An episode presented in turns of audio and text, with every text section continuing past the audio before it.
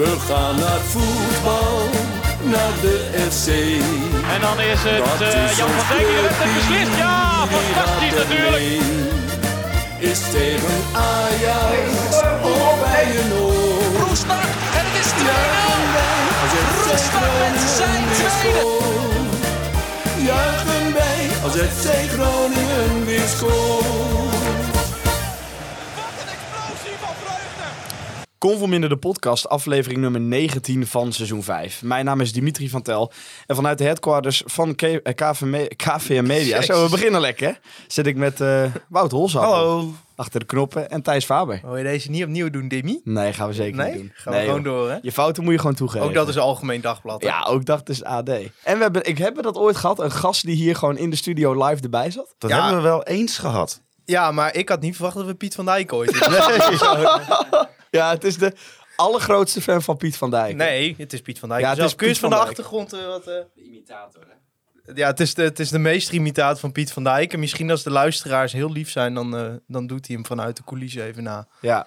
Henk Jan Smit, ook goed dat jij er bent. Maar zit niet achter een microfoon. Met een streepje. Met een streepje.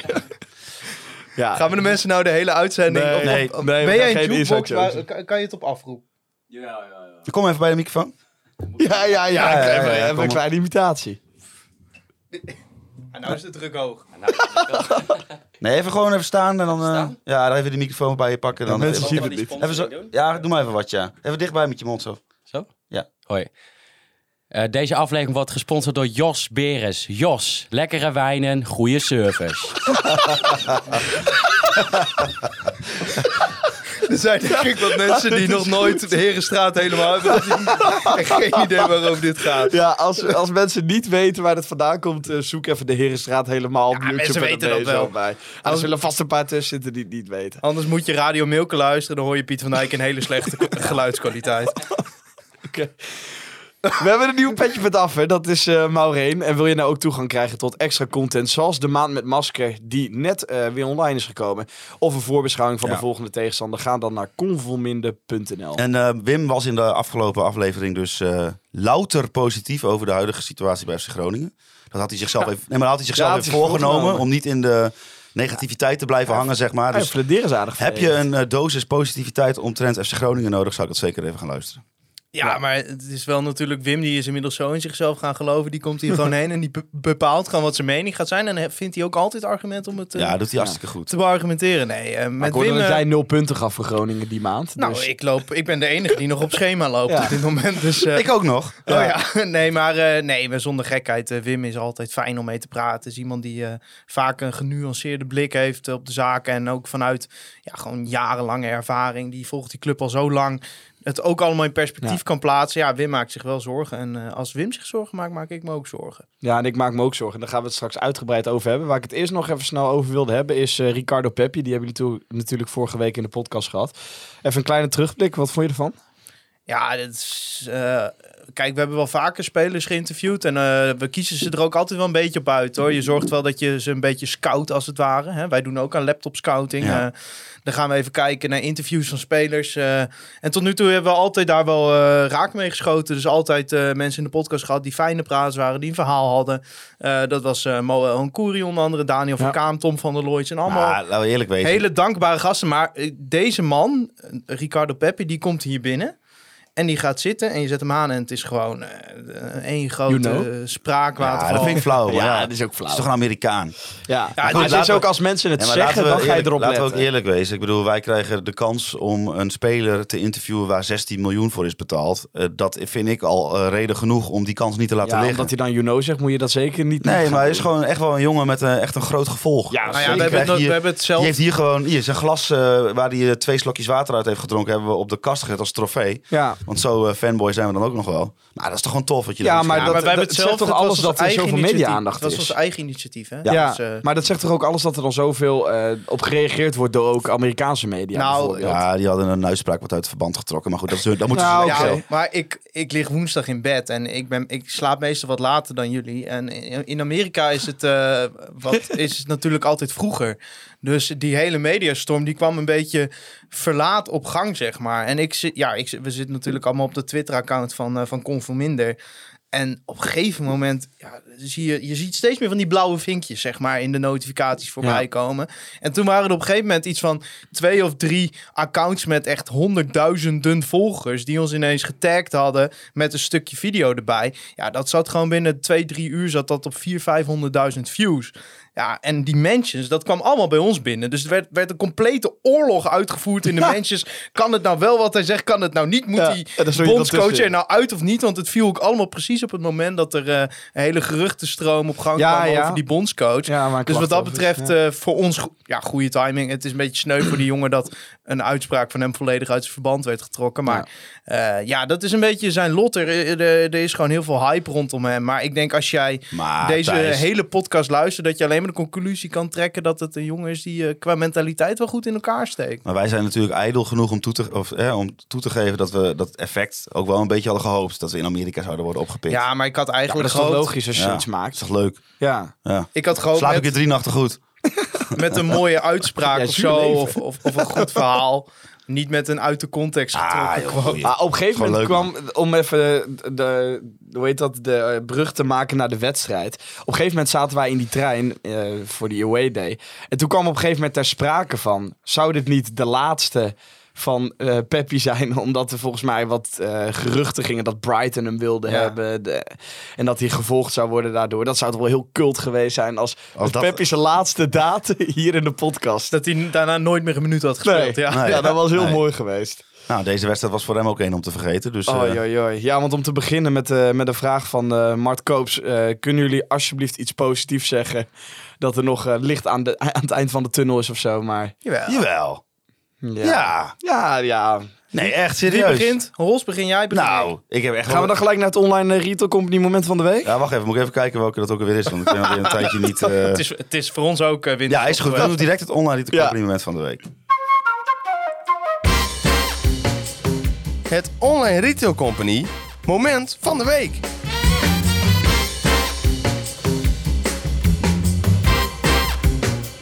Mooi altijd die stem van B-Trip er nog bij, hè? Dat moeten we ook eh, niet vergeten te benoemen. Van de vrienden van de online retail company. Hoeveel? 15 gespecialiseerde webshops. Ja, toch? Thijs, jij hebt eh, goed nieuws, hè? Ja, ja, ik, ja, ik sta er zelf ook nog steeds versteld van. Want eh, Oh, er nee. werd, eh, Jij werd gebeld. ik werd gebeld. Ik zag in mijn scherm Lennart, de online retail company. En dan weet je natuurlijk, eh, die neem je meteen op. En hij bracht mij het nieuws. De kortingscode is terug. Niet. Ja, 15 en, weer? ja, we hebben het niet over 5, niet over 10, maar over 15% Niet. korting op, let wel, Hele- het gehele Hele assortiment. Ja. 15 gespecialiseerde webshops waar jij met de code KVM, hoofdlettertjes, gewoon 15% korting krijgt op eh, ja, alles. Dus even indicatie, hè. Ja, je kunt als je nu naar buiten kijkt er niet aan denken, maar de zomer komt eraan. De lente Ja, komt ja, eraan. nee. Nou, het wordt elk jaar warmer, dan is het lekker verkoeling in die tuin. Ja. Een zwembad. Zwembadstore.com. Stel je bestelt daar een intekstje van pak een beet 1000 euro. En je knalt die code KVM erop. 105, 15%. 150 euro korting. Ja, Ik zie sorry. achter Weet jou je wat je iemand- daarmee van kan doen? Achter jou iemand zit, die zit heel, heel hard te denken, wat moet ik gaan kopen straks? Ja, maar je bent echt een dief van je eigen portemonnee als je hier geen gebruik van maakt. Ja, en dat eh, online retail company moment van, mij, eh, van de week was voor mij natuurlijk eh, het debuut van twee jongelingen. Ja, Blokcel Ehm, van Bergen. Blokcel, Tijmen Blokcel en eh, Van Bergen was eigenlijk bij het perspraatje vooraf eh, was ik aanwezig. Voelde ik het allemaal een beetje aankomen dat het eh, twee keer raak zou zijn. En ehm, ja, ik kan daar gewoon ontzettend van genieten. Ja. Want ja, ik heb daar, ik heb daar iets mee met als jonge gasten uit de hè, van, van ja, de eigen club. Maar iedereen, Ik vind dat gewoon. eh, dat is toch mooi? dat, is een van, dat vind ik altijd een van de leukste dingen van voetbal. Dat, Ja. dat, er- dat er weer een nieuwe generatie aanbreekt. Die eh, ja, toch een soort van onbevangenheid over zich hebben. En eh, in het geval van eh Tijmen Blokcel vond ik dat die, zijn onbevangenheid uitte zich in ijzige kanten. Die stond daar alsof hij dat al heel lang deed. Ja. Ik heb wel een paar keer gezien dat ik dacht van nou, dit had je wel iets beter mogen doen. Maar dat, hè, dat hoort er natuurlijk ook bij, bij een eh, debuut van als 17-jarige. En bij Tom van Bergen uitte zich dat in... Ja, sorry, maar ik kan niet inschatten of hij meer talent heeft dan eh, Abraham, de Gonge, Iran dus en al die spelers bij elkaar. Dat, vind, dat ben ik niet degene voor om dat nu al te zeggen. Maar hij bracht iets wat die drie jongens in de afgelopen anderhalf jaar nog nooit hebben gebracht. Namelijk een bepaalde... Gevaar. Nou ja, nee, maar hij zat overal met zijn poten tussen. En had gelijk een hele Eh, goede Volgens kans. mij heb je echt een kutmiddag als je tegenover hem staat. En Ja. volgens mij als je tegenover Iran dus staat... Om, eh, ja, het is lullig om meteen weer Iran dus te noemen. Maar ja, dan, eh, ja, dan weet je gewoon van binnenkant dicht te houden, dan is het wel goed. Ja. Maar is het niet ik heb ik- hartstikke veel lof voor de jongens dat ze, dat ze er gelijk staan. Maar het is ook wel op basis van één wedstrijd. En we zitten natuurlijk in een ontzettende klote Ja, en daarom is het heel En- belangrijk, denk ik, dat eh Ja, nee. Stelt een hele terechte vraag. Als Zeker. wij, we, Thijs en ik hebben een voorbereiding, eh, voorbeschouwing opgenomen op Excelsior. Gelukkig voor de mensen dat niet iedereen die kan horen, want daar eh, zijn mensen heel slecht van gaan slapen van die, ja, voor die voorbeschouwing. Ja. Ik heb me wel een beetje voorgenomen van, tuurlijk, het is kut en er moet heel wat gebeuren. Maar we gaan wel eventjes een beetje de positieve punten benoemen. Mag ik eh, op dit hele geheel waar ik het eh, geheel mee eens ben, inclusief de verwoording, hoe mooi het is dat jongens uit Groningen gewoon drie man sterk met Valente er ook nog bij. Ja, die speelt inmiddels al niet meer als een jeugdspeler, maar als een van de beste van dit elftal. Maar Ja.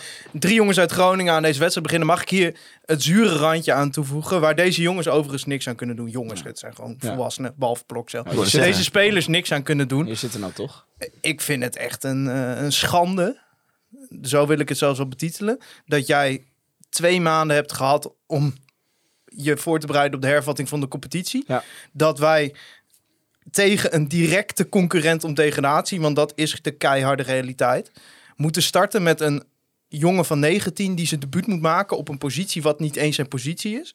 Een 17-jarige speler waarvan onze vorige trainer in de zomer nog zei, hij is er nog net niet, hij heeft de tijd nodig, geforceerd wordt om te starten. Volgens mij moet je dan als technisch beleid jezelf te raden gaan. En dan met name Mark-Jan Vladeres. Wat is er de afgelopen twee maanden misgegaan? En hoe kan dit? Het is niet alleen de afgelopen twee maanden. Nee, maar het dat- gaat al... Die gaan we- Maar houd om vast, een want hele daar gaan we kleine- het- om een daar gaan hele we het straks over hebben. Ja, maar om een hele kleine nuance te, eh, te brengen hierin. Ik ben het overigens voor een groot deel natuurlijk met je eens. Maar ja, dat is inderdaad voor straks misschien eh nog Ja, daar gaan we Maar, zo meteen nog uitgebreid Ehm, over aan de andere kant kun je ook zeggen dat Van der Rey, die durft wel echt Ja, hem op te stellen. Want hij had, hij had ook kunnen zeggen, hm, weet je, dit is misschien eh, eh, het, het gebakje zat ook op de bank.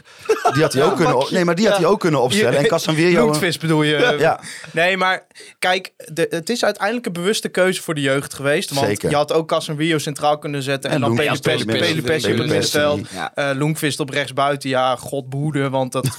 maar het, het had gekund, zeg maar. Dus het is een bewuste keuze. Ja. Het is een keuze Ja. die getuigt van lef. en ook maar een, ook een keuze die getuigt dat die jongens er dus op een bepaalde manier wel klaar voor zijn. Ja, maar ook een keuze die getuigt van dat de selectie op dit moment echt een puinhoop het, is, het is een noodgedwongen Ja, en die jongens hebben het hartstikke goed gedaan. Ik zeg weer jongens. Die spelers hebben het Nou, hartstikke goed zeggen, gedaan. Kom op. Aan hun heeft het niet gelegen. Nee. Aan Dennis van der Rey heeft het niet gelegen. Want nou ja, we zullen er zo meer over hebben. Het Zeker. is echt indrukwekkend wat hij gezien de omstandigheden ervan hebt gema- van heeft gemaakt. Ja. Maar laat dit alsjeblieft niet eh, nu eh, op het kantoor van Mark en van Deren zijn. Nou jongens, opgelost. Nee, Want je ziet de tweede helft. Wat voor fucking grote problemen deze ploeg heeft op dit moment. ja, zeker.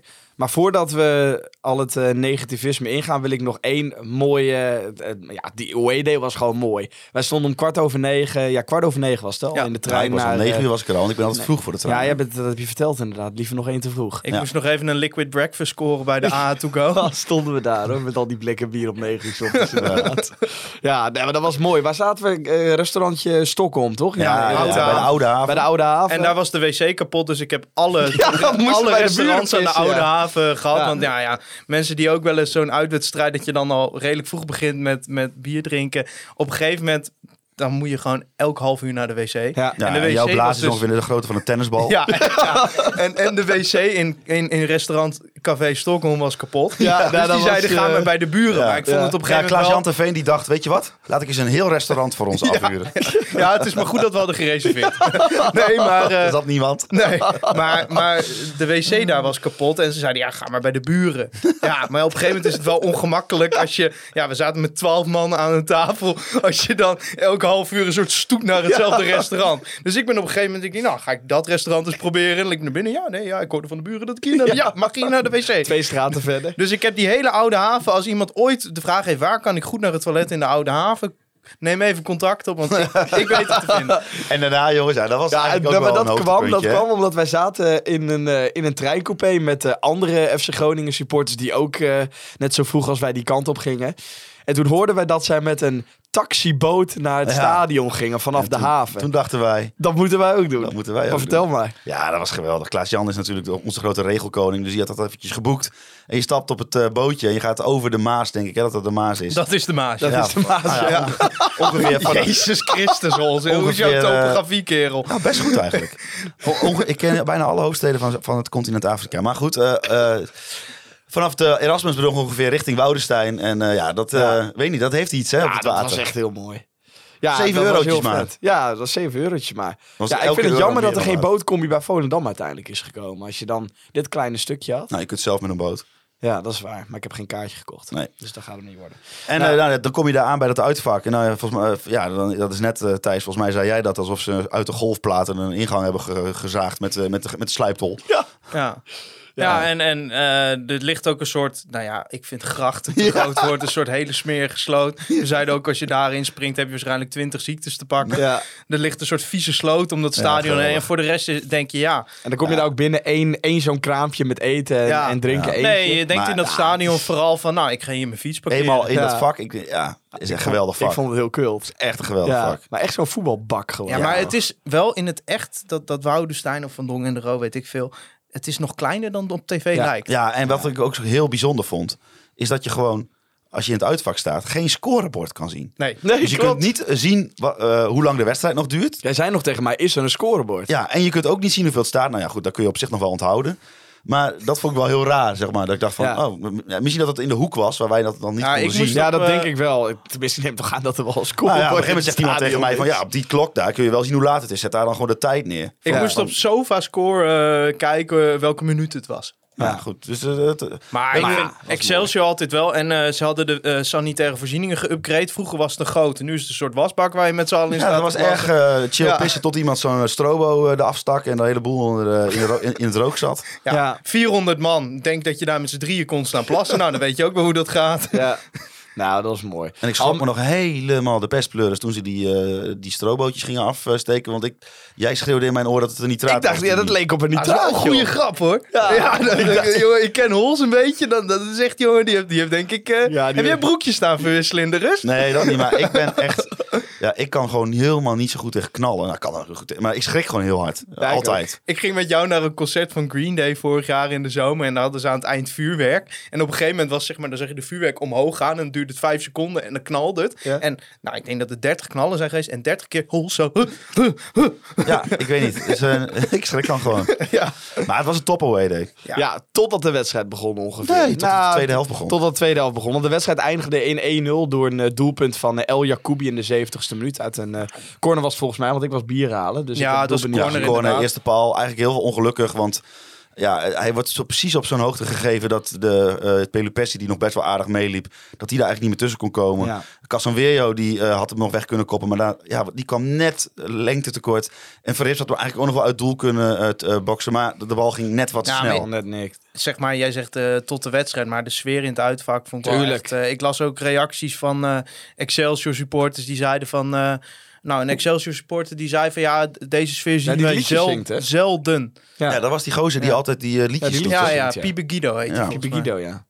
Ja, maar dat klopt inderdaad. En dat vergeten we nog wel eens eh, te noemen. Maar die twee eh, sfeeracties, zeg Ja. maar, die er waren. Ja, sowieso. Dat is toch Ja, wel, die hartstikke waren wel echt raak, hè? Van, is dat Ja. zwart? Ik dacht eerst van, wat zijn we Ja, nou wat in is de- het? Zijn we bij een, maar voor mijn gevoel bij een er ook- begrafenis beland? Ja. En toen kwam later, ba- kwamen die vlaggen. Toen dacht ik, ah, Ja, dat is oké. vet. Maar ik vind sowieso, zeg maar, de eh, spandoeken die naar liederen verwijzen, vind ik altijd tof. Weet Ja. je wel. maar Eh, voor mijn gevoel is bijna elke, onze elke uitwedstrijd heeft dat nu ongeveer zo'n beetje. Nou? Volgens mij hebben we bijna elke uitwedstrijd dit seizoen wel iets van een sfeeractie gehad.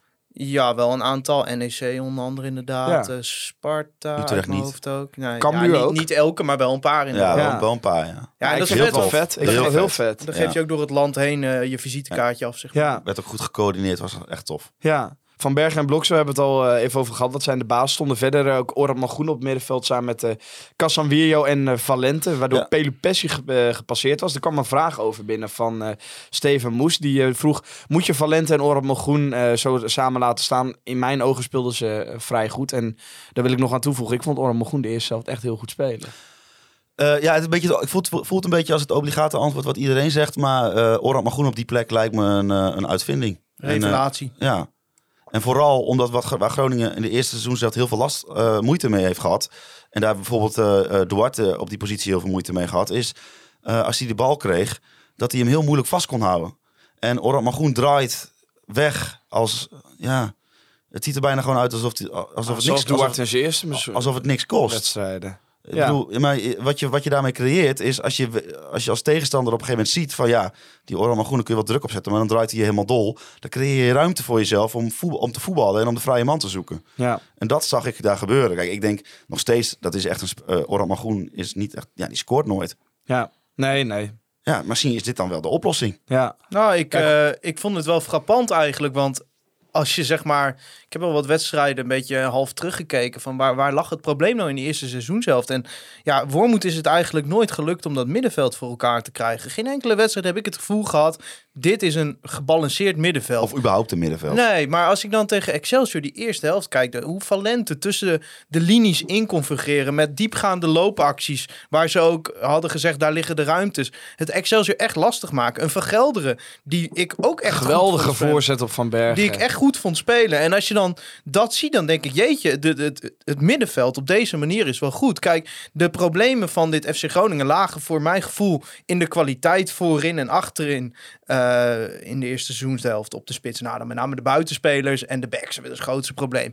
Ehm, en, en het niet... Het ontbreken van een gebalanceerd middenveld. En dat lijkt nu gevonden. En dat sterkt mij ook wel in mijn, in mijn mening van ja. ehm, ja, is er iets positiefs? Ik denk als je hier twee goede buitenspelers bij haalt, dat je ineens. Kijk, dan had je die eerste helft zo 1-2-0 de rust in kunnen gaan. Iets meer scherpte voorin. Buitenspelers die wel functioneren. Ehm, ja, nou ja, tweede punt is, eh, maar daar komen we later op. Ik denk niet dat het gaat lukken om twee goede buitenspelers te halen. Ja. Maar het laat wel zien, dat het is echt geen kansloos verhaal, wat het soms wel lijkt. En, ja, en- en wat, wat Van der Rey, mag ik, als ik even mag ja, invullen? ja. Wat Van der Rey ook erbij aangaf, eh, met een, een beetje een Casanweo aan de linkerkant, kan die ook daarmee Meta helpen. Ja, nou ja, kijk, Meta, ik weet niet of je daar al heen wilde. Of, Nee, nog niet, maar geen gang. ja, maar Ja, dat is gewoon zielig. Ja, maar Meta moet je. Ja, maar kijk, aan de ene kant kun je zeggen, die gozer is gewoon niet goed genoeg. eh, heeft ook nog geen ontwikkeling laten zien. Maar ik, ik- daar ga je eens kijken. Eh, Meta heeft voordat hij bij FC Groningen kwam in zijn hele carrière vijf wedstrijden als Ja. linksback in een viermans defensie gespeeld. Eerste dag dat Frank Wormoed binnen was bij FC Groningen hebben ze gezegd: we gaan met vier man achterin spelen. En dan haal je een back die daar nog nooit gespeeld heeft. Ja, volgens mij is dit heel sneu voor een meta. Maar is dit gewoon een grove fout van de scouting en van Mark-Jan Vladeris. Ja. Dus hem moet je je de schuld vergeven. Kijk, dat hij zich niet ontwikkelt, daar, daar liggen een aantal factoren aan de grondslag. Maar in die vijf wedstrijden heeft hij nooit kunnen bewezen dat hij daar echt uitgesproken de potentie heeft. Dat is een veel te kleine sample size. Dus ik snap niet waar ze hem dan op gescout hebben. Hebben ze hem dan gescout om Ja. uiteindelijk wingback te worden? Want hetzelfde probleem lag bij Goedmonson. Hè? Die was ook niet goed genoeg in de viermans defensie. Nou, die verkoop je voor 6 miljoen. Maar als jij vanaf het begin besluit, wij moeten een linksback in de viermans defensie hebben. We proberen het eerst met Kali. Daar En- bepaal je na het Nee, la- hè? laat even afmaken. Ja, Moussampa was er ook bij, maar dat, dat was niet bedoeld voor de basis. Dat leek zo te worden in de eerste week. Die raakte geblesseerd. Ja. Maar, Maar, in ieder noem, het, geval, ik noem het even en ga, nu ga je de verder. situatie was zo, we hadden Kali. En Ja. die gingen we de eerste twee, drie weken gingen we aankijken. Dan besluit je, oké, we hebben echt een betere linksback nodig. Daar leg je een bedrag voor neer. Wat eh, in FC Groningen termen moet dat een, meteen een basisspeler zijn. En dan haal je een speler die voor dat moment vijf hele wedstrijden in zijn carrière op die positie heeft gespeeld. Is dat gewoon enorm naïef of eh, zien wij iets over het hoofd? Nee, dat is naïef.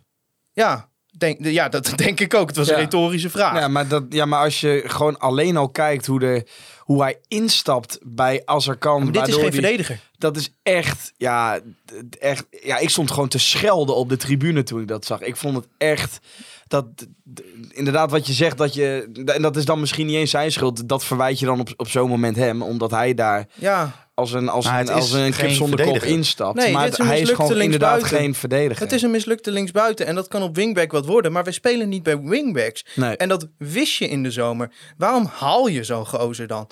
Ik denk wel dat hij potentie heeft als wingback, maar wij spelen zonder wingbacks. Ja. Kijk, eh, als jij, we hebben nu vier keepers, we gaan niet ook nog een keeper met potentie halen. Want het past momenteel niet in het elftal. Nee. En ik snap niet dat je dan 1,2 miljoen er tegen aangooit voor iemand die volgens mij niet heel veel beter is dan Kali. En dat zegt niet veel over Kali, maar dat zegt wel veel over Meta. Ja, En, en, we hebben hem nu 15 wedstrijden kunnen zien. Kijk, dat hij in de arena helemaal zoek gespeeld werd door een speler waar later 100 miljoen voor werd betaald. Oké, en als er kan is ook een talentvolle speler. Maar je kunt toch, ik denk dat je aan alles kan zien, dit is geen verdediger. Ja, en dan heb je nog een Thomas Pol bij. Eh, Tenminste, dat argument heb ik ook vaker gehoord Ja. deze week. Loopt bij Almere City. Ja. Maar ja, die had dan weer niet gespeeld bij Groningen, had zich niet ontwikkeld. Wie zegt Nee. dat hij dan nu op het punt was geweest waar hij nu is? Ja. Joey eh, Pelopessi, wat zegt het eh, over hem dat hij met al deze blessures niet in de basis staat? Nou ja, hij is geblesseerd op de enige positie waar op zich wel, wel, wel aardig wat keuze is. ja. Namelijk op dat middenveld. Ja, oké, maar hij zet wel. Kassan... eh, Nee, maar ik bedoel, oh ja, je, zei, ja. jij zei, je zei geblesseerd. Eh, ja, net nou de ja, enige hij- positie hij waar is geen ge- blessures Hij is waren, bedoel je, gepasseerd op een positie waar redelijk veel keuze is. Dat is zijn eh, probleem. Ja. En wat ook zijn probleem is, is dat als hij een bal krijgt, dat hij hem terug of breed speelt. Ja. Dat zijn de twee problemen. En als hij nou... Maar dat zeg je nu wel. Maar Oran Malgroen was geen centrale middenvelder. Casemiro was geen centrale nu wel. Nu wel. Nu wel, ja. Ja. Maar dat zegt toch veel over Pelopessi nu? Nou, nou, het zegt vooral wat over waar, hoe Van der Rey naar voetbal kijkt. En hoe hij dat in wil vullen. En dat, ja kijk, ja, ik vind het zo lullig. Want ik denk van, ik geloof echt wel dat Pelupessi bepaalde kwaliteiten bezit die FC Groningen ook op dit moment kan gebruiken. Maar het is de eerste seizoenshelft er gewoon niet uitgekomen. Dat vind ik ook heel zonde voor hem. Ja. Ik had ook gehoopt dat, dat, dat, dat, dat hij degene was waarvan wij ook hoopten dat hij was. Hè, eh, voorop in de strijd en beuken. En, en als hij de bal heeft, ze, eh, meteen een paas naar voren en het spel kan weer verder gaan. Maar dat is het gewoon niet geweest. Het is iemand die meevoetbalt en die net, maar net aan dat niveau haalt. En het niveau is al niet hoog. Nee. Zeg maar, we hoopten dat hij het niveau omhoog zou halen.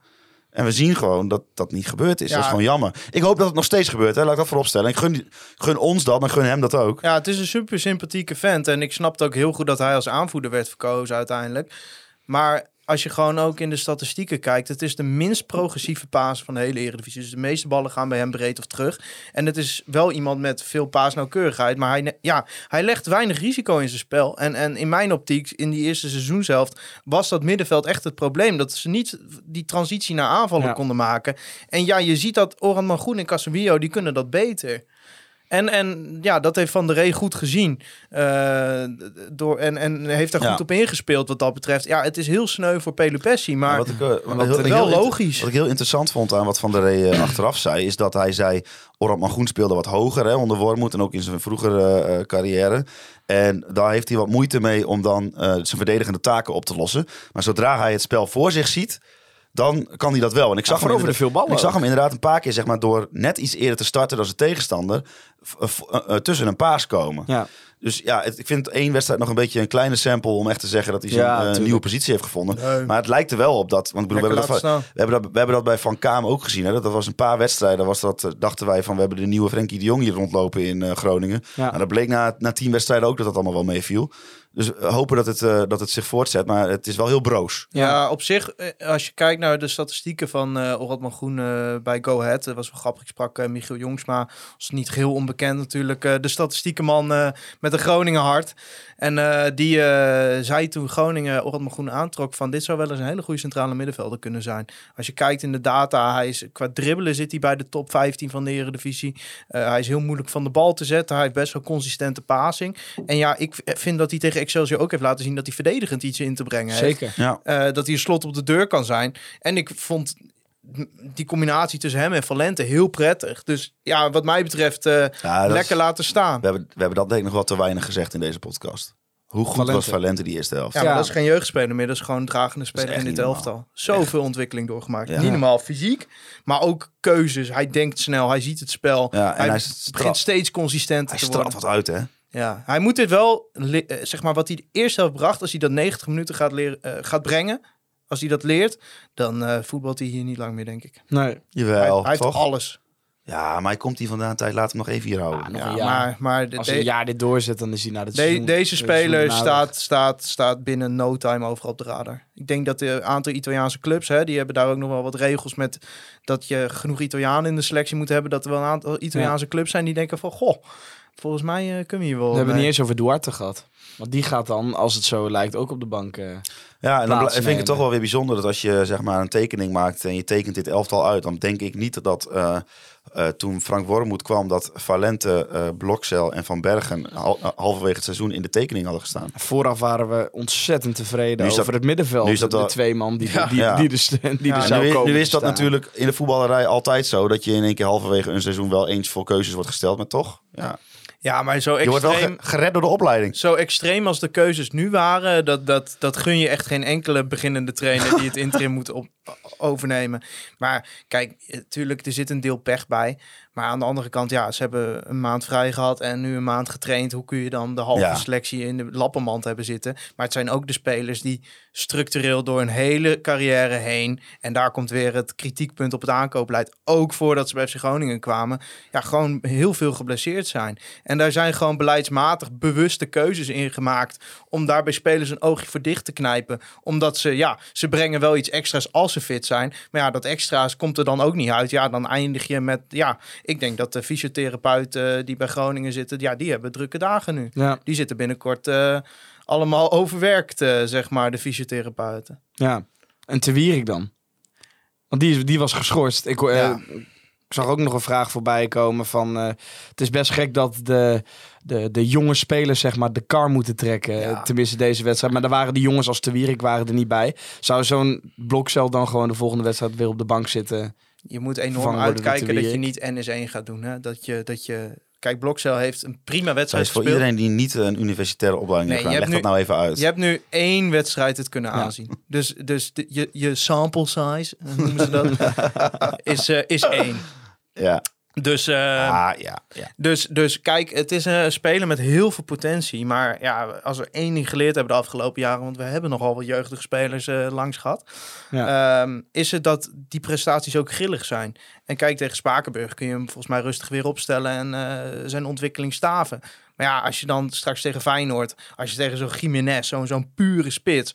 Ja, eh, die gaat dat natuurlijk slim aanpakken. Ja, die gaat zijn duels echt niet opzoeken met Balker hoor. Nee. En, en dat is waar Tijmen Blokcel nog stappen in moet maken. Dus ja, je zou er dan voor kunnen kiezen om zo'n jongen... eh, ik zeg weer jongen. Nou, hij is 17, mag het. Ja, ja. Tegen zichzelf in bescherming te nemen. Ik en vind, als jij, gewoon- ik vind als jij, als jij uit de jeugdopleiding debuteert in Groningen, ben je in ieder geval dit half jaar nog een jongen. Oké, maar Mike de Wierik is natuurlijk best wel een mannetje. Dat is geen jongen meer, hè? Nee, dat is, dat is een mannetjesputter. Die kan op zich zo'n zo'n Jiménez nog wel uitschakelen Ja. eh, tijdens een wedstrijd. Maar ja, het is wel leuk natuurlijk dat dat... Ja, ondanks dat het geforceerd is. Maar ja, als ik hem dan zie spelen, dan denk ik... Ja, hij is niet minder dan Zwerko, hoor. Nee. Nee. En, en, en Vladeris heeft een, heeft een tijd lang een beetje zo naar die jeugd gekeken. Af. En nou ja, bij Heracles had ik ook geen jeugd. Ik haal liever wat spelers die er nog net niet zijn. Hè. Daar hebben we het over Kirkum Tjaan, eh, Stroenk Jacobs, eh eh, Toenekti. eh, dat soort spelers. Matuta valt daar ook onder. Spelers die nog net het stapje moeten maken. Ja. Maar eigenlijk zie je dat de jeugdspelers nu... misschien wel aantonen van een vergelijkbaar niveau zijn. En maar dat je- heeft Wim ook gezegd in de maand met Masker. Ja. Om een klein quoteje eruit te halen. Maar Je moet gewoon eh, het uit je jeugd halen. En niet meer van buitenaf die Nee. talenten die nog moeten komen. Nou, je moet, daar wel, je moet daar een betere balans in vinden. Ja. ja. Nou ja, kijk, balans... Wim, wil, Wim wil echt niet aankomende eh, zondag de hele onder 21 in het Nee. veld, hoor. Maar Nee, nee, nee. Maar, Nee, maar je moet daar wel gewoon serieus naar kijken. Want je ziet gewoon dat die gasten de sprong makkelijk maken. En dat ze zelfs aangeven dat die gasten het niveau van de training omhoog halen. Ja, dat zegt wel veel. Dat zeggen ze niet zomaar. En je, je hoort ook dat zo'n Engonga, die natuurlijk nu voor de tweede keer is teruggezet naar de onder 21, wel zeg maar schrikt van het niveau van onder 21 in de zin van dat het niveau daar echt wel ho- redelijk hoog ligt. Ja. Als je naar de eerste helft kijkt van uh, afgelopen wedstrijd, had je dan nog verwacht dat we die wedstrijd zouden verliezen met 1-0? nou, laten we eens even bij die eh, kans beginnen van Tom van Bergen. Nou ja, ik, ja, Goeiedag, ja, zeg. ja, ik- ik praat ik ga- wel ik over ga- een goede vraag van de presentator Oh, sorry. op dit moment. ja, maar ik eh, ga daar, eh, nee, maar ik ga daar wel heel, een heel klein, hele kleine zure wending aan geven. Ik vind dat je die bal, ja, ook al ben je net jeugdspeler voor de eerste keer, die moet er gewoon inschieten. Ja, maar ja, Ja, je, kan ja. deze kans missen. Laten we wel zijn. Ik zeg, ja, het, het zegt niet heel veel meteen over zijn kwaliteiten. Het Nee, zegt, dat- het zegt wel wat over zijn Nee. dat hij Nou. in die positie komt. En Ja. natuurlijk moet deze hangen, maar ik hoorde Martin Drent eh gisteren trouwens aanraden. Ja, Mar- oh, Martin mooie anekdote. wat een Over held. de, over de eerste keer dat hij een beetje bang was. Wat een held is Ja. Martin Drent in die, in die podcast, zeg. Maar eh, ja, dat is natuurlijk ook een spits. En die zei van ja, maar hij deed het wel gewoon netjes met zijn binnenkant. Dus volgens Martin Drent klopte de techniek. En als Martin Drent dat zegt, dan ben ik het daarmee eens. Maar sorry Maar dat ik, je, dat ik je... Ja, want eh, Dimi stelt echt goed. Ja, goed, een goed. Nee, vraag. ik maar zei- ik dacht van, ja, ik voelde, had het voelde nog een beetje alsof we dat daar overheen hadden uh, Had je, had je verwacht na zo'n eerste helft dat we die wedstrijd nog zouden gaan verliezen? Ja, ik, is- kijk, ik was, ik was positief omdat mijn verwachting echt aan de grond zat. Ja. Ik, ik, ik heb onironisch gezegd, als Excelsior, zo, zoals ze wel eens in wedstrijden doen, er bovenop klapt, dan kan het hier echt vervelend gaan worden. Zeg maar echt gewoon RKC uit vorig jaar, 2-0 achter in de rust, dat soort werk. En ik was eigenlijk onder de indruk van dat Groningen Excelsior wel wist weg te spelen. Eh, relatief, want heel veel kansen werden niet, niet gecreëerd, behalve die kans van Van Bergen. Uh, maar ja, in de tweede helft zie je dan, ja, ik vond Excelsior ook zwalkend, ook zwak. En dan zie je gewoon, als Excelsior dan een beetje druk zet, ja, dan begint toch uh, op een gegeven moment uh, het mooie van het spel er wel uit te raken. Ja, ik denk dat je wel iets, uh, iets terugzag wat je in de hele eerste seizoen zelf terug hebt gezien. Namelijk dat mocht het, het, het Groningen lukken om een goede eerste helft te spelen, dat hij toch vaak wordt opgevolgd ja. na een uur met een hele slechte tweede helft. Ja. En ik denk dat dat wel iets is waar uh, Dennis van der Rey ook... Uh, uh, nou, dat, dat heeft hij ook gezien en daar gaat hij ook mee aan de slag. Ja. Want, of dat is iets tactisch, of dat is iets mentaals. Ik denk een combinatie van beide. Ja, ik vraag me echt af waar het, waar het aan ligt. Is het dan zo dat Groningen misschien van de ploegen onderin... het moeilijkste tot een team te vormen is om zoiets over de streep te kunnen is, trekken? Dit is geen team. Nee, nou, nou, dat is precies dan wat ik bedoel. Het, Ja, hij is is- elke week een wisselende samenstelling. Hij is- hij is nu een team aan het maken. De technische staf is veranderd. Er is zoveel onrust geweest. En Dennis van der Rey die doet echt alles wat hij kan. En die verdient eh, alle kansen in de wereld. Dennis van der Rey is de allerlaatste persoon aan wie dit ligt. Maar het, het is de jongste ploeg waar Groningen ooit mee is En aangetreden in de heel veel, Eredivisie. En dan ga je dit soort grillen krijgen. Dan kun je een hele leuke, flegmatieke eerste helft spelen. Maar de tweede helft wordt je uitgeschakeld door Excelsior. Door een aantal spelers die toch iets meer ervaring hebben. En dan ga je kijken, Excelsior heeft een derde van de jaarbegroting van FC Groningen. Nou gaat niet alles van de jaarbegroting in spelers bij Groningen en bij Excelsior bijna wel. Dus dat is, eh, dat is het verschil misschien. Maar ja, het zegt wel heel veel over hoe deze selectie ervoor staat. En, ja, eh, want op een gegeven moment wordt Calli erin gezet, Ja. maar niet op linksback, maar op linksbuiten. Ja, dan heb je op een gegeven moment, ja, maar dan heb je een linkerkant. Nee, maar ik zeg ook niet dat het fout van de is. Nee. Maar dan heb je een linkerkant van Mette en Calli. ja, daar ga je. Dat, het Topos heeft het beter hoor. Ja, maar, dan, 100%. maar dan de vervolgvraag eh, om eh, het bruggetje maken, te maken naar Flederis. Dit is toch volledig de schuld van de technisch directeur Ja. dat dit daar nu staat. Ja, dit is zijn selectie. Dit is zijn trainer geweest. Dit is zijn staf. Ja, Er zijn geen, de excuses zijn op. ja. En er zijn altijd verzachtende omstandigheden. En, en, en, en het is echt niet zo dat, dat alles de schuld is van Vladeris. Maar het grote plaatje is alles van 3,5 jaar Vladeris hier wel aan het samenkomen op dit moment. Te veel inzetten op jonge spelers, op, op, op projectjes. Hè, zoals eh Reon Boeriga het dan noemt. Hè, spelers van, die aan een aantal voorwaarden moeten voldoen voordat het echt eredivisiewaardig is. Ja, als je er daar te veel van hebt. De hele bank eh, zit nu vol met bijvoorbeeld Iran, dus Te Wierik, Pelupessi. Dat zijn grootverdieners binnen deze selectie. Eh Te Wierik wordt op doorgeselecteerd. Daar proberen ze met man en macht een vervanger voor te vinden. ja, het lukt maar niet. Pelupessi is nu uit de basis weg. Iran dus ligt meer op de massagetafel dan dat hij op het trainingsveld staat. Ja. Dat is de manier waarop deze selectie uitgebalanceerd is. Ja, niet. Eh, we moeten het hebben van jeugdspelers die niet op hun favoriete positie moeten spelen tegen een directe concurrent om degradatie. Omdat onze technisch directeur de slagvaardigheid op de transfermarkt mist. En er zijn genoeg contextuele factoren. Hè? eh, die heeft hij zelf ook al uitgelegd. Het is in de winter lastig om spelers te halen. Maar ja, dat argument. Wij waren in de zomer op trainingskamp in Barsinghausen. En dan vraag je hem op een gegeven moment, nou Callie, hoe zie je dat? En, en toen waren ze nog in de overtuiging dat ze het met Callie gingen proberen. Ja. En uiteindelijk is dat door de blessure van Moussampa toen, is Meta in stroomsnelling gekomen. Maar toen zei hij, ja, heeft hij letterlijk gezegd, jij stond erbij. We hebben 14 wedstrijden en dat is best wel een unieke kans, Ja. waardoor het grootste deel van het seizoen in de tweede seizoenshelft ligt. Ja, ja. Daardoor kunnen wij dus die 14 wedstrijden gebruiken om het aan te kijken. En dan als het nodig is, in de winter ons versterken. Ja, dat vind ik niet rijmen met wat hij nu zegt. Ja, het is heel moeilijk om je in de winter te eh, versterken. Nou, ik vind het sowieso. eh, ja, dat vind pokeren. ik. Ja, maar ik vind, het, ik vind het belachelijk dat je ook ten eerste al een speler haalt. Ja, het klopt. eh, een unieke. dat je 20 wedstrijden na de winterstop hebt. Maar dat zijn er maar drie minder, hè? Ja, Dan normaal. Ja, en, en het, het is de man die, die wel eens zegt van, over andere clubs, als je hem spreekt, ja, er wordt casinobeleid gevoerd. Dan denk ik, ja, maar als je nu toch kijkt wat er bij FC Groningen gebeurt. John de Jonge Ja, had we, een laten ons hele lot, we laten ons lot letterlijk over aan onze jeugdspelers. nu. Ja, maar, maar, en, en, en, en, maar John de Jonge zei het heel terecht in, in Ja, ja, een uitstekende heb- column. We gaan het er zo over hebben. Ja. Nee, je mag er wel naartoe Flade- als je, nee, als je nee, want we gaan nog even door over Flederis. Flederis is aan het pokeren met onze club op dit moment. Ja. En staat aan de verliezende hand. Ja, Ja, absoluut, en- want niks lukt. We hebben geen nieuwe trainer, we halen geen spelers En binnen. Thijs, wat, wat, wat, wat ik er nog aan toe wil voegen als extra laag is dat jij hebt het heel erg over hij zei dit en, hij, en, en vervolgens dit en hij zegt dit. Maar als je gewoon alles, alles wat hij zegt weglaat en Ja. je laat de persoon weg en je kijkt alleen maar naar wat je kan zien als buitenstaander, namelijk wat er op het veld en langs het veld staat. Dat is het al gewoon. Meer, heel veel meer hoef je eigenlijk niet te zeggen. Nee. Want wat daar staat is rijp voor de slacht. Ja. Ja, ik heb nog in de vorige podcast waar ik ze- zat gezegd... we moeten nog steeds Europees voetbal halen. maar ik ben ook al zover dat ik hoop dat we gewoon niet meer ja, tegen maar wat, wat is er nou veranderd, Dimi? Er- Ja, nee, nu niks. Maar ik, Gonge is weg. ik leefde toen nog in de veronderstelling... dat die versterkingen daadwerkelijk nog zouden komen... Ja, wat- voordat de eerste competitie waar je ook nog mee te maken krijgt, en dat is echt wel in de voetbalwereld echt wel een dingetje, is dat op het moment dat jij vijfde staat en jij hebt een beetje last van je kuit, zeg je tegen die masseur, dan zeg je, ja, heel snel masseren jij. Want En nu, eh, ik la- sta- laat maar even liggen. Want ik sta vrijdag, sta, Ja. ik sta daar zon- zondag. En als je toch vijftiende bent en je hebt een klein pijntje, dan heb je toch wel iets meer dat je denkt van, nou, weet je wat, eh, het trainen dat gaat, Ja, gaat toch net kijk- niet lukken hoor. Gaat toch niet lukken aankomende Kijk, dat is, zondag. dat is een beetje de, de psychologie van de koude grond. Ik geloof er wel in trouwens. Hoor. Maar kijk gewoon sec waar we nu in zitten. Engonge is weg, Matuta is weg.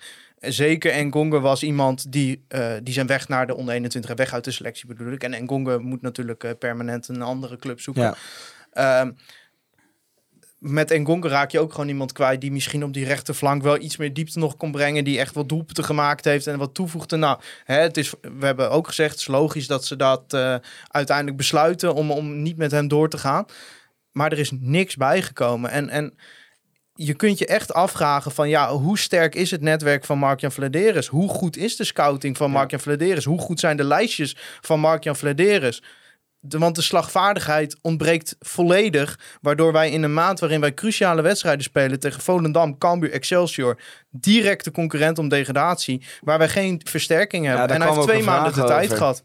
Twee maanden. Ja, Is niet kwam, gelukt. Er kwam ook een vraag over. Ik moet hem even opzoeken wie hem stelde, maar ik kan de vraag nog Nou, ik kan hoofd. even doorgaan nog. Maar, D, nee, D. Grudema, ik- want ik heb hem al gevonden. Worden de wedstrijden, daarop inhaken, tegen Volendam en Cambuur in drie dagen tijd bepalend voor Groningen en Flederis? Nou ja, je hebt nog genoeg wedstrijden daarna, maar daar zitten moeilijkere tegenstanders tussen. Kijk, wat, het, wat het gewoon is.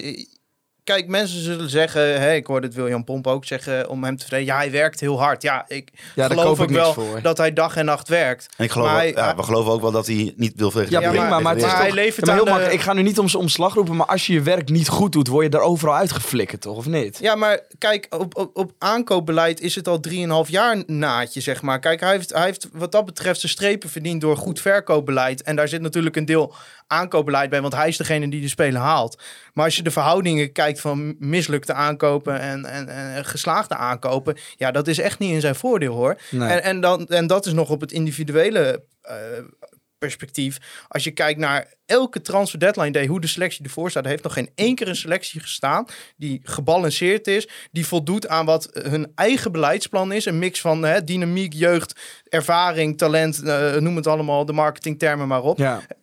Je, het is gewoon niet in lijn met je eigen beleidsplan. Maar als jij toch een directeur hebt die gewoon zijn aankoopbeleid niet op het eigen beleidsplan afstemt, dan is die directeur toch verkeerd aan het Ja, maar John de. Jong heeft dat ook goed in zijn column, vind Ja, ik, neergezet. Want hij zei ook, Flederis maakte eh, de- de belofte of zijn visie openbaar... door te zeggen, ik wil vijf jeugdspelers, ik wil zoveel sterkhouders, zoveel dit. En dan heb je de jongste selectie ooit van FC Groningen in een eredivisiewedstrijd Ja, staan. Jong genoeg is oud genoeg, hè? Maar kijk, Tom maar van. Bergen, supergoed gedaan. Maar dat is niet iemand die je in de Eredivisie gaat houden. Ja.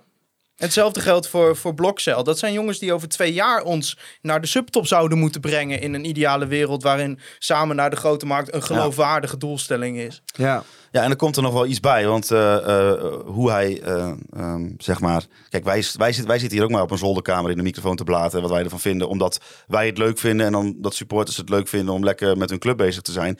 Maar als Flederis dit hoort, dan, moet, dan is hij snel op zijn teentjes getrapt. En dan gaat hij ook snel, nou niet per se bij ons, maar gewoon überhaupt, hè, als er kritiek komt. En dan gaat hij weer bij William Pomp in een artikel klagen over de, de negatieve media. Maar hij moet ge- gewoon één ding doen. En dat is zijn oogkleppen opzetten, daar helemaal niet naar kijken. En alles op alles zetten om de beste mogelijke spelers naar Groningen te halen. Ja, dit zeg ik vanuit supporter, maar ik ben er echt ongelooflijk klaar mee. Dat elke keer als het inderdaad gaat over Flederis die het niet goed doet op de transfermarkt, geen spelers binnenhaalt, dat het excuus er altijd bij wordt gehaald. Ja, de, de Groningse pers is te negatief. Zou Strand Larsen dan ook hebben gezegd. En daar heeft hij volgens mij dan ja op geknikt. En zo stond het ongeveer in het artikel Nee, van hij heeft gezegd dat hij het daar natuurlijk absoluut mee eens, is. En dat denk ik, en dat staat onderaan volgens mij de column van John de Jonge ook. Hou eens op met dat negativisme over, over de media in, in Groningen. En ga gewoon je werk doen. Ja. Ja, want En ik van geloof, wel, buiten... Ja, en ik dat- geloof wel dat hij zijn werk Tuurlijk, doet. maar van buitenaf lijkt het Maar alsof... laat mij lekker lullen en laat Ja. Thijs lekker lullen. Ga focus je gewoon eens op de dingen die je moet doen. Ja, Ja, want dat doet hij niet goed op dit Want moment. ik, wij lullen ook maar wat. Wij willen ook gewoon dat Groningen aankomende donderdag en zondag weer wint. Ja, en dan, en dan komt natuurlijk het argument, William Pomp noemde het in eh, Radio Milker, die zegt, ja, hij werkt zich helemaal uit de naad. Ja, ja ik mag het hopen. ja, dat is zijn baan. En ik zeg ook niet dat hij, dat hij niet het beste voor heeft met FC Groningen. Het is ook niet onwil, het is onkunde in mijn ogen. Ja, maar ik vind niet dat je zoveel medelijden met iemand moet hebben omdat hij probeert zijn werk te doen. Ja, Nou, we kijk, proberen het- allemaal ons werk te Kijk, doen. dat het zijn weerslag heeft op zijn gezinssituatie of op zijn Nee, tuurlijk. privé-situatie. Absoluut. Ik wil daar best in meegaan, maar dat neemt niet weg dat jij willens en wetens een verantwoordelijke functie hebt aangenomen. Ja. Je hebt de verantwoording over één, een bedrijf met een jaarbegroting van 25 miljoen, waarvoor het een financieel fiasco met uitroeptekens zou zijn, mocht dit degraderen. Het is al een fiasco dat wij een aantal plekken onder Heerenveen gaat ei- gaan eindigen. Ja. Dat kost al 7 ton. Eh, en dat is in een wereld waar de vaste lasten oplopen tot bijna 5 miljoen dit jaar. Echt niet grappig. Maar het is ook nog eens een club waar je te maken hebt met een gigantisch achterland. Waar je gewoon ook de verantwoording aan af te geven hebt. En als je vervolgens in de grootste mediakanaal. Het Dagblad van het Noorden, nu krijg ik ruzie met Noord waarschijnlijk. Maar als je in de grootste krant van de regio zo'n interview geeft. waar je een nonchalante houding hebt. waar je eigenlijk de media aanvalt. Ja, sorry, maar dan heb je het in mijn ogen, dan, dan heb je de urgentie van deze situatie niet door. En mensen zullen vast zeggen, je bent een doemdenker, dit komt nog wel goed en zo. Maar ik maak mij echt zorgen. En Ja, dat is ook. niet omdat ik niet denk dat die spelers er niet alles voor doen. Want die hebben, er, die hebben er zondag alles voor gedaan. Maar zij worden niet geholpen op het moment dat hier niet twee, drie sterkhouders bij komen. Want dat hebben we nodig. We hebben niet meer ja, ja, Kallies nodig. We hebben gewoon, gewoon aanwinsten nodig. Ja, maar dan, Ja. heb je, dan heb je een spits rondlopen. Dat is misschien wel de talentvolste spits die we ooit gehad hebben. Ja. Zeg maar, het, ik zeg niet dat de beste spits is, maar misschien wel de talentvolste. Ja, en dan heb je op linksbuiten een Soeslof die al een jaar zijn veters niet meer kan strikken. En op rechtsbuiten eh, een, jongen een die er jongen net die, die er net debuteert. Nou, je Oh, eindigt de oh, wedstrijd. eh, je zult peppy zijn, joh. Je eindigt de wedstrijd met Jaja Kalli op linksbuiten, Loenvis op rechtsbuiten. Nou, dan staat het huilen hier toch nader dan het lachen. Ja, maar dan moet je daarmee een doelpunt forceren, zeker. Hebben jullie één moment het gevoel gehad dat, dat, Nee, dat niet. ging vallen? Want net zo goed, eh, na die 1-0 hadden we in de trein kunnen stappen. Ja. Ja. Maar dan is de logische vervolgvraag. Thijs, heb je nog vertrouwen in dat er een versterking bij gaat komen? Ik heb wel vertrouwen in dat er spelers bij komen. Ik denk alleen niet dat er versterking gaat zijn. Nee, maar dat is de vraag. Nee, ja, nee, nee, nee. Ik, ik denk dat, dat, dat de kans best aanwezig is dat we er gewoon in blijven. Sterker nog, ik denk dat de kans groter is dat we erin blijven dan dat we eruit gaan. Maar dat we het erover Maar, hebben je, is al erg gaat, genoeg. ja, maar je, je bent aan het spelen met vuur. En ik heb niet het gevoel dat Mark-Jan Vladeris dat doorheeft. En dat vind ik het pijnlijke. En Ja, dat of hij vind- heeft het wel door, maar hij heeft gewoon niet de... de, nou, ja. dat weet hij goed te verbergen dan. Ja, maar. Zouden zij voelen dat het nu niet 2 voor 12, maar 2 over 12 ik denk dat? Gud het wel voelt dat Vladeris het niet voelt. Ik denk momenteel dat dat, dat zelfs een intern conflict is. Ja, denk je dat echt? Ik denk dat Vladeris nog steeds te veel vertrouwen heeft in de spelers die er nu zijn. Vertrouwen wat gestoeld is op wat hij in zijn hoofd heeft. Wat spelers kunnen worden. Want zo denkt hij. Als je hem vraagt, ja, ja, ja Kalli, dan heeft hij het eerst over zijn sprintsnelheid en zijn sprongkracht. En dan in een bijzin over dat die jongen niet kan verdedigen. Terwijl het is, ja, het is bij linksback wel prettig op zich. Ja. Dus dat is de manier waarop er met deze club Maar- omgegaan wordt. En dat is super pijnlijk. Wat ik dan wel een... eh, ja, het, het, het, het- ik snap dat mensen dit raar over vonden komen. Wat ik dan wel een soort van... eh, wat me een beetje een opluchting gaf, was dat Dennis van der Rey is gewoon wel een trainer die even voor die groep gaat staan. Ja. Dus die op die vrijdag, op de perspraatje eigenlijk gewoon... Ja, dat was een beetje een onhandige uitspraak. Had hij misschien ook wel achteraf niet per se zo willen doen. Maar dat, dat hij zegt van, ik hoef geen rechtsbuiten meer, want ik heb Tom van Bergen. Maar ja, weet je, hij moet het op dit moment... Ja, wat moet kan hij anders doen zeggen? met Tom van Bergen. Ja. En wat doe jij om Tom van Bergen klaar te maken voor die wedstrijd? Dan zeg jij in de persconferentie... Ik heb alle vertrouwen alle vertrouwen in Tom van Bergen. Ja, tuurlijk. Vind ik uitstekend. Er zijn Ja. nu eh, twee trainers die Maar het hebben moet- geprobeerd door intern bij Vladeris om versterkingen te vragen. Het is niet gelukt. Misschien lukt dit wel. En het was ook wel een beetje een rare situatie, want je zit daar met een assistent-trainer die de ambitie heeft om hoofdtrainer te worden. Er wordt, voordat hij gevraagd wordt, worden eerst drie, vier anderen gepeild of die dat willen worden.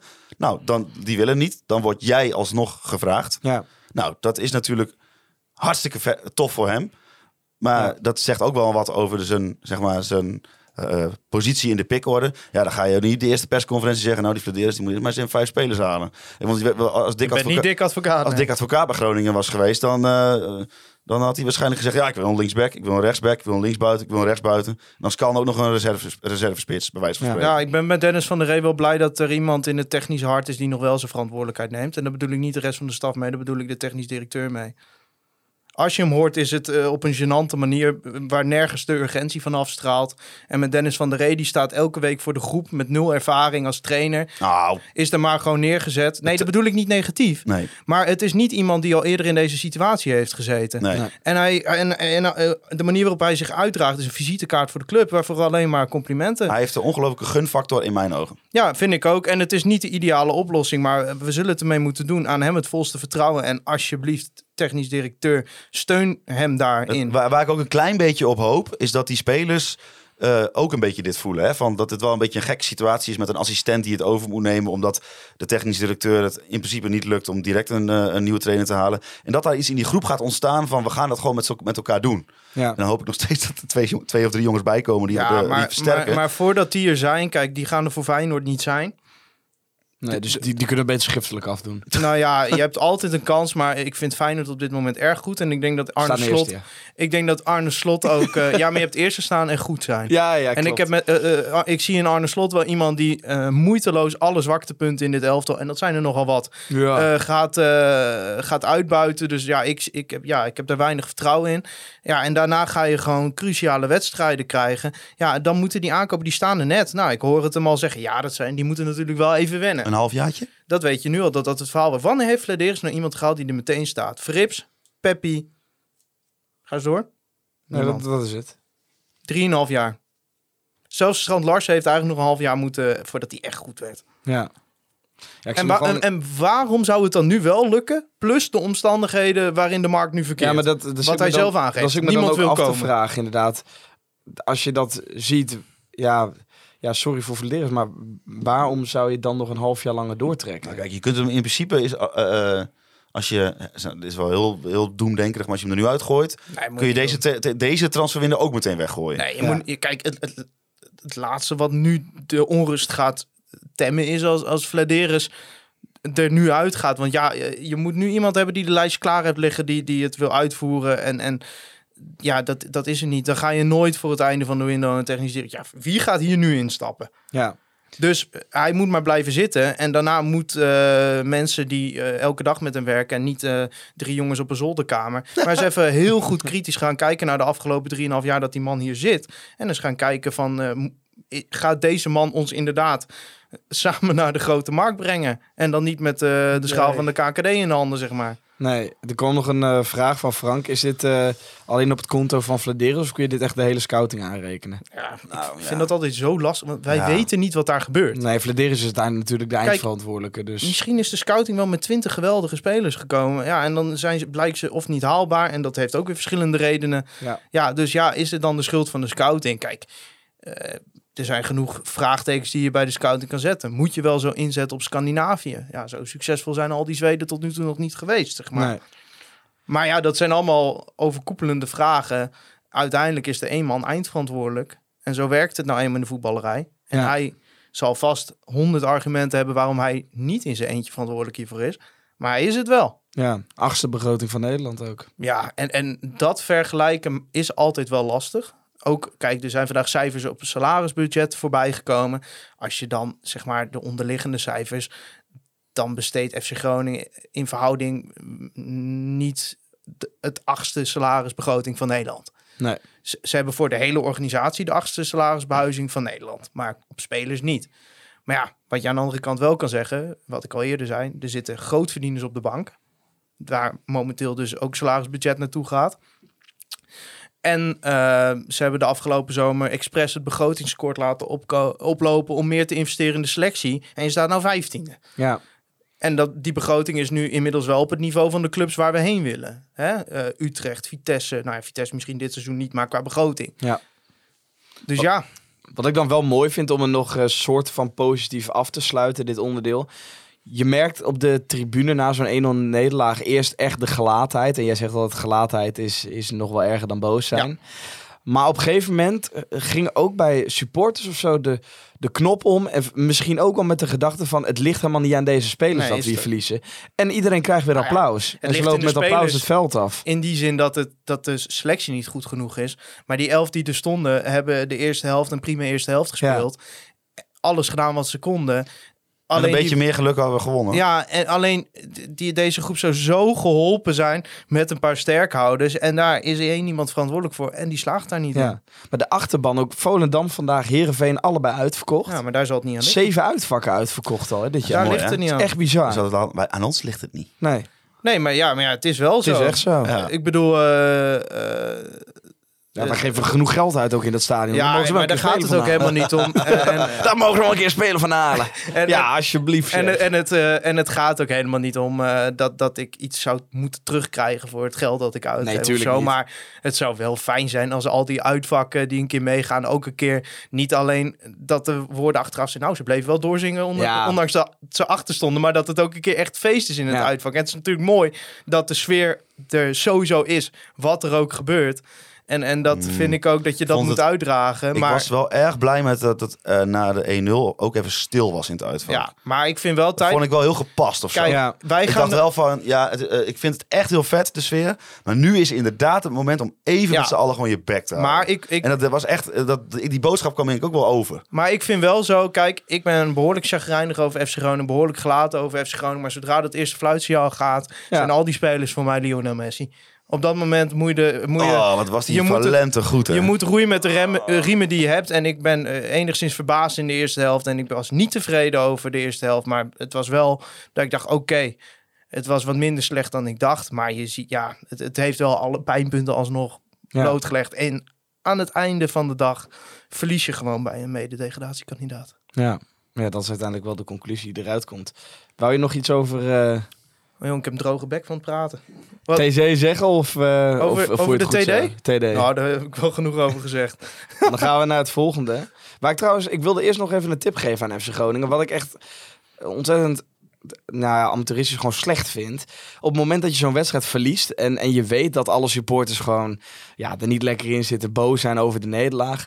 Dat ze dan besluiten om zo'n veiling ding online te zetten, maar dan ook nog eerst met het verkeerde shirt. Dan denk ik echt van, ja jongens, neem eh, daar gewoon dat even is, de eh, tijd dat voor. is eh, de contentkalender, hè? En de contentkalender, die moet wel gewoogd worden. Ja, Ja. want daarna werd er gerectificeerd dat het wel echt het shirt was dat gedragen werd. En dan denk ik van, ja jongens, neem dan even de tijd om Ja, daar maar even over na te Money denken. makes the world go round, Demi boy. Ja, Ja. maar doe het dan op een goede Het manier. staat gewoon ingepland. Jij komt hier ook niet als wij niet jouw treinkaartje betalen. Nee, dat is waar. Nee, anders kom ik echt niet. Nee, terecht. Helemaal vanuit het Pleuris Utrecht. Ja. Veel, te, veel te ver, joh. Halve. Dimi bedankt. Noord scoort, hè? Dimi Ja. bedankt. Noord scoort. Ja, Nieuw vind ik- vind dat Allereerst, dat is hartstikke mooi dat de regionale omroep in Groningen eindelijk weer een echt sportprogramma heeft. Gemaakt door de juiste mensen ook. Ik Ja, heb een beetje de namen zeker. voorbij zien komen. Nivino, Stefan, eh, Leo Wassing. Dat zijn allemaal mensen die uitstekend... Karel, Jan, Buurken. Karel Jan Buurken. Dat zijn allemaal mensen die uitstekend weten hoe je zo'n programma moet neerzetten. Dus dat is echt, eh, echt een hele leuke Ja, richting. het zijn een beetje port- eh, portretjes. Ja, ik heb met Ja. plezier zitten kijken. Ja. En, Martin zat Ja, ik vond het Dus- alweer een cool dat ze dan bij zo'n zodat ze dan bij zo'n zaalvoetbaltoernooi zijn en dan blijkt ineens de, de, de, de, de, de ene winnaar en dat bij de, dus een vrouw wint dan ook en het is ja, Ja, en Hans, hè, die Ja. even een latje gaat trappen. ja nou daar heb ik dan wel even wat over, want ik heb Ja, want, onlangs eh, ja. contact gehad. Nou, onlangs ik spreek Stefan Bleken wel eens en die Stefan had al een keer over dit programma gehad. En toen zei Stefan, ja, we wilden een uh, latje trapcompetitie doen met spelers van FC Groningen. Maar daar kregen ze nogal een ja, kille reactie op. Dat spelersactivaties of zo, zo noemden ze dat volgens mij. En iets met de rechthebbenden. En RTV Noord was geen rechthebbende, want het, die spelersactivaties bevatten dan waarde. Echt. Ik hoor de Weet je- corporate communicator Ja, praten. en weet je wat ik zie? Ik zie een regionale omroep die een hartstikke leuk itempje in een hartstikke leuk programma heeft. Waar nu dus, want dit is dus wat er gaat gebeuren. Omdat ze spelers van FC Groningen niet gaan meedoen, gaan ze oud-spelers, oud-bestuurders, oud-medewerkers, iemand die in het verleden wat met FC Groningen Ja. heeft gehad, gaan ze, gaan ze doen. En bij welke Dat zijn ook die? spelers die bij FCM spelen. Dus wat krijg je straks in het sportprogramma van de regionale omroep van Groningen? spelers van FC Emmen. Want de spelers van FC Groningen mogen niet. En dat allemaal omdat de club denkt dat RTV Noord een soort complot tegen FC Ja, Groningen want je gaat mij niet, mijn je interpretatie. gaat mij niet vertellen dat dit dit. iets is met rechten en zo. Nee, Wat een gelul allemaal. Je zult Marcel Borger zijn. Je stopt een miljoen per jaar in die club als hoofdsponsor. Meer. Dan een miljoen per jaar in die hoofdsponsor. De regionale omroep waar duizenden mensen naar kijken... willen die spelertjes een hartstikke leuk itempje laten doen. Ik bedoel, we hebben het gezien met Hans. Dat is gewoon hartstikke leuk. Een beetje naar die lat schieten. Ja, en dan gaan ze daar zo moeilijk over doen. Ja. Weet je, ik weet nu zeker dat er iemand luistert en die denkt van... ja, maar dit en dat en de rechten en zus en zo. Het kan me niet schelen. Het is gewoon klein, klein, is gewoon klein, kinderachtig. kleinst. Klein, kleine, kleinst is dit. Ja. Ja, maar Ik vind dit succes ermee. eh, om het eh, even wat luchtiger te maken. Ik ben het overigens volledig met je eens. Oh, bedankt. Dat daar eh We zijn het veel met elkaar eens van. onduidelijkheid Ja, maar dat is- het is weer één grote circle jerk vandaag. We zijn het allemaal met elkaar eens. Maar eh, je- Noord speelde wel even met mijn gevoelens, weet je. Hè? Je zit er wat negatief in over het bestuur. En dan krijg je zo'n Hans Nijland op zijn best. Ja, de camera. Ja, maar Kijk, dit spoor, ik, ik ben kijk, nu bij het met- stuk van Hans Nijland. Met Hans Nijland waren we nu waarschijnlijk Almere op vrijdag aan het voorbeschouwen. Dus het, het, het is helemaal geen realistisch scenario. Maar het, het, ja, dan zie je Hans weer op zijn best en denk je... Godsamme, het is toch wel... Leuke man. Wat, wat, ja, wat een Ja. heerlijke item. Ja, geweldig. Ja, dat was echt waar, sowieso. Ik heb, ik heb ze ook... eh, Die schoenen van Hans. niet, dat, niet, niet dat mijn mening ertoe doet, maar ik heb ze zeker even verteld dat, eh, dat het echt... eh, dat ik blij ben dat zo'n Ja, programma er is. zeker. Ik weet zeker dat Bas Kammerga hier ook heel blij mee is. Want dat is iemand die, als er ergens wordt gepingpongd in Selwoord, dan, eh, dan, dan wil Bas Kammerga er, Dan staat nog, het al flash er, nog, er nog bij zijn om, om de Groningen sport een warm hart toe te dragen. Dus die is hier heel blij mee, denk ik. Ja. En ik hoop ook, want ze hebben nu de afgetrapt met eh nou, Donar, stukje FC Groningen, stukje Lycurgus. Maar ja, ik wil ook die provincie in en bij zo'n amateurclub waar, eh, waar, ze de, waar de, de, de, douchekop zeg maar half aan het eh, plafond hangt. eh, daar wil ik ook wel een keer heen natuurlijk eh, met zo'n programma. Ja. Ik ga misschien een beetje dingen door elkaar doen, maar ik vind het toch belangrijk dat we het nog even benoemen. Helemaal aan het eind van de away day is Ja. er een, eh, is er iets, zou er iets gebeurd zijn in de trein. Ik ben in Utrecht uitgestapt, want ik woon in Utrecht. Ja. Jullie zijn tot Groningen gegaan. Ja. Eh, Vertel eens, wat is Ja, er wij, zaten in, gebeurd? eh, wij, wij waren op het station in Rotterdam en we zagen al dat als we, we moesten sprinten om de trein te halen die dan, waar al die jongens ook in zaten. Dus wij besloten om even wat gaan eten en even de rechtstreekse trein naar Groningen te pakken. Dus dan hoef je niet over te stappen op Zwolle. En eh, op een gegeven moment staan we vlak voor Zwolle staan we ook stil. En toen zei die conducteur ook iets van, eh, ja we moeten even wachten, want er is iets op station Zwolle. Nou, toen werden wij het eh, station ingereden op een ander perron dan gebruikelijk. En toen eh, mo- moesten er ineens allemaal mensen uit een trein die daar kennelijk al 20 minuten, een half uur stond, moesten bij ons in. Nou ja, eh, en voor de rest kun je eh, het lezen wat er bij, eh, op de Noordtribune Instagram pagina staat. Die jongens moesten dus even geholpen worden met eh, overstappen door de politie. Ja, en je, als je daar met allemaal honden en boa's en politie Ja. gaat staan. Ja, en, en ehm, de, ik, eh, ik heb toen wat mensen via via zeg maar even een appje gestuurd van hey, wat, eh, wat gebeurt daar? ja. En toen kreeg ik al een beetje de berichten door van ja, er is niet zoveel aan de hand. Nou, eerst denk je dan nog, nou ja, misschien hè, zitten ze in een andere coupé.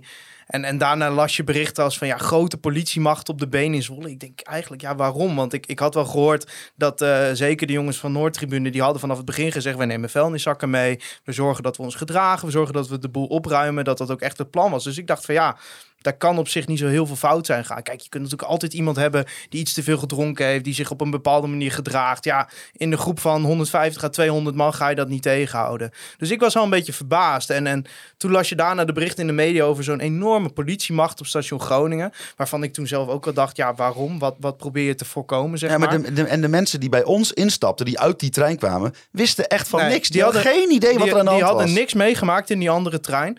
Maar eh, en dan hoor je daarna van zo'n politiemacht. En ik, ja, toen begon ik wel ook door ervaringen die je zelf wel van met de treinen naar uitwedstrijden en naar politie erbij. Ik denk, ja, volgens mij hebben deze gasten die in die trein zitten gewoon gelijk dat er niet zoveel aan de hand was. En dat er gewoon, ja, nou ja, buitensporig klinkt altijd zo groot, maar dat er gewoon buitenproportioneel veel politie op af was gestuurd. Ja, en dat dat dan tot frustraties leidt, dat zeggen zij zelf ook. eh, en, en dat er uiteindelijk wel vernielingen zijn aangericht. Ja, dat is niet goed te praten natuurlijk. Ehm, maar ik, ja, ik vond het wel opmerkelijk de manier waarop zeg maar heel station Groningen vol stond met politie. Ik moet zeggen, ik heb het zelf gemist, want ja. ik lag tien minuten in bed en toen kreeg ik, nou, Henk Jan zit toevallig achter me, die stuurde mij een foto van, eh, of onze foto van, kijk, heel Groningen is dat vol met politie. Ik heb het niet gezien, maar het is echt bizar hoeveel agenten er op de been waren. Zo stuk heb ik nog, 70 of zo. nog nooit gezien. Ja, en dan als je dan het verhaal van Noordtribune leest, dan ben ik echt wel geneigd om hun te geloven. Ik ook. Ja. Zeker omdat zij zelf ook gewoon eerlijk het Ja, verhaal zeker- vertellen dat er wel vernielingen zijn aangericht. Ja, wij, zijn- wij- en wij hebben ook gewoon getuigen gehoord die in onze coupé kwamen zitten. Die echt totaal geen idee hadden, echt oprecht. Die dachten echt, waarom werden we stilgezet? Ja, Ze en wisten die, het niet. En die treinstellen die reden gewoon maandag weer, hè? En dit was zondagavond.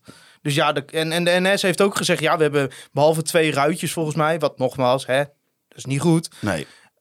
Behalve twee ruitjes, eh, niks gebeurd. Dus dan, ja, ik snapte niet zo goed waarom dan de hele politiemacht dat iedereen op de foto moet en weet ik allemaal niet. Dus eh, nee, ik zou zeggen, het staat volgens mij heel erg goed uitgelegd op de eh, Instagram-pagina Instagram van, van, eh, eh, de Noordtribune. van Noordtribune. En eh, ja, ik, eh, ik ben zeker Ja, geneigd je- om die gasten Ja, te geloven. zeker. En, en als, er, als er een eh, politieverklaring is waaruit hele andere dingen blijkt, ben ik ook heel geneigd om die te lezen. En daar wil ik ook, ben ik ook heel benieuwd naar, zeg maar. Ja, maar kom met bewijs aan. Ja. Dit, dit lijkt gewoon wel heel erg op, op, op pesten. voetbalsupporter pesten. Ja, en dan zie je meteen inderdaad, wat de gasten van Noordtribune ook heel terecht zeiden. Dan komt meteen die politievakbond natuurlijk, die laat zeggen, ja, we moeten uitsupporters verbieden. Ja.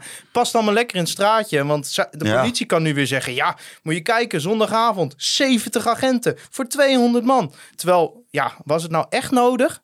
Want...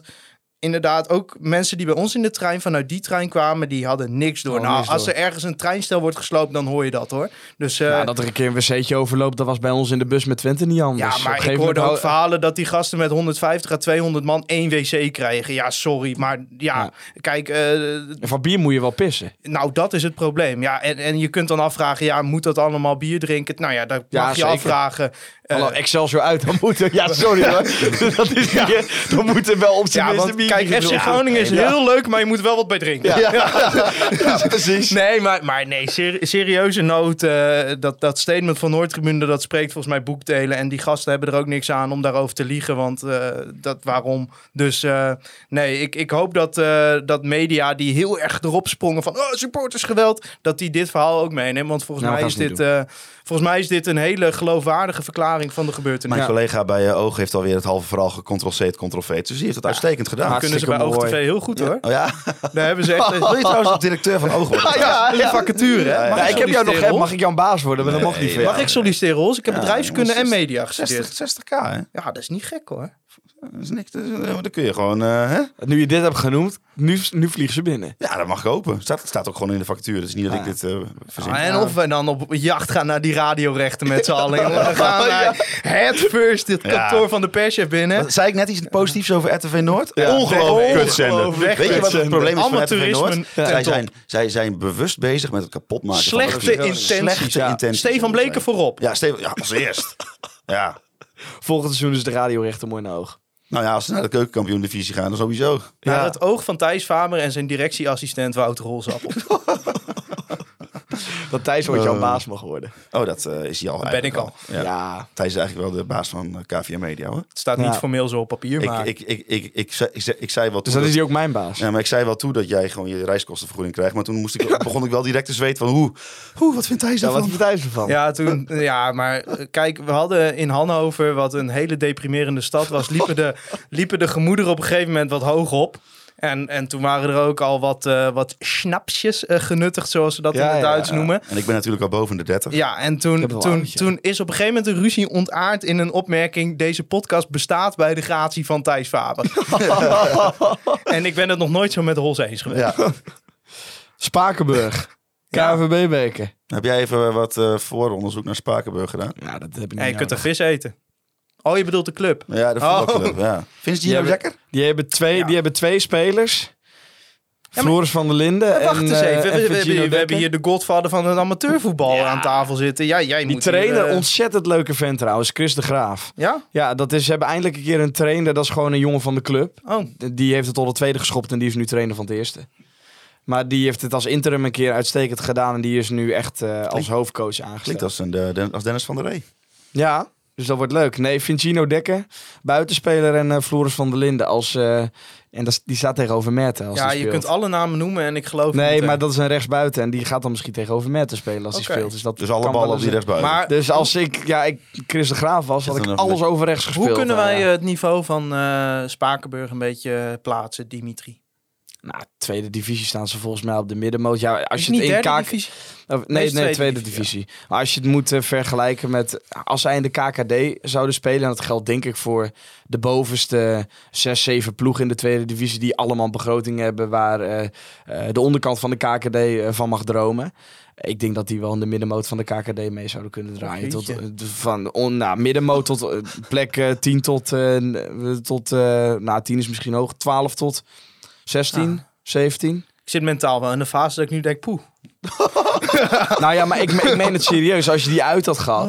Ja, nee, dat, dat was, het Dan was het niet goed gekomen. Nee, dan... eh, Maar volgens mij komen ze ook gewoon met een vol uitvak. Ja, duizend eh, man deze heb ik kant op. gehoord. Ja, ja, Ja. Maar dat... Vrij vervoer? Ja, ik, ik weet niet of mensen ik een weet niet beetje... of Spakenburg vrij voer heeft. Ik denk het eerlijk gezegd niet. Want als mensen een klein beetje verstand hebben van amateurvoetbal... IJsselmeervogel Spakenburg is natuurlijk samen met eh, Katwijk Quickboys... de grootste derby in het amateurvoetbal die er is.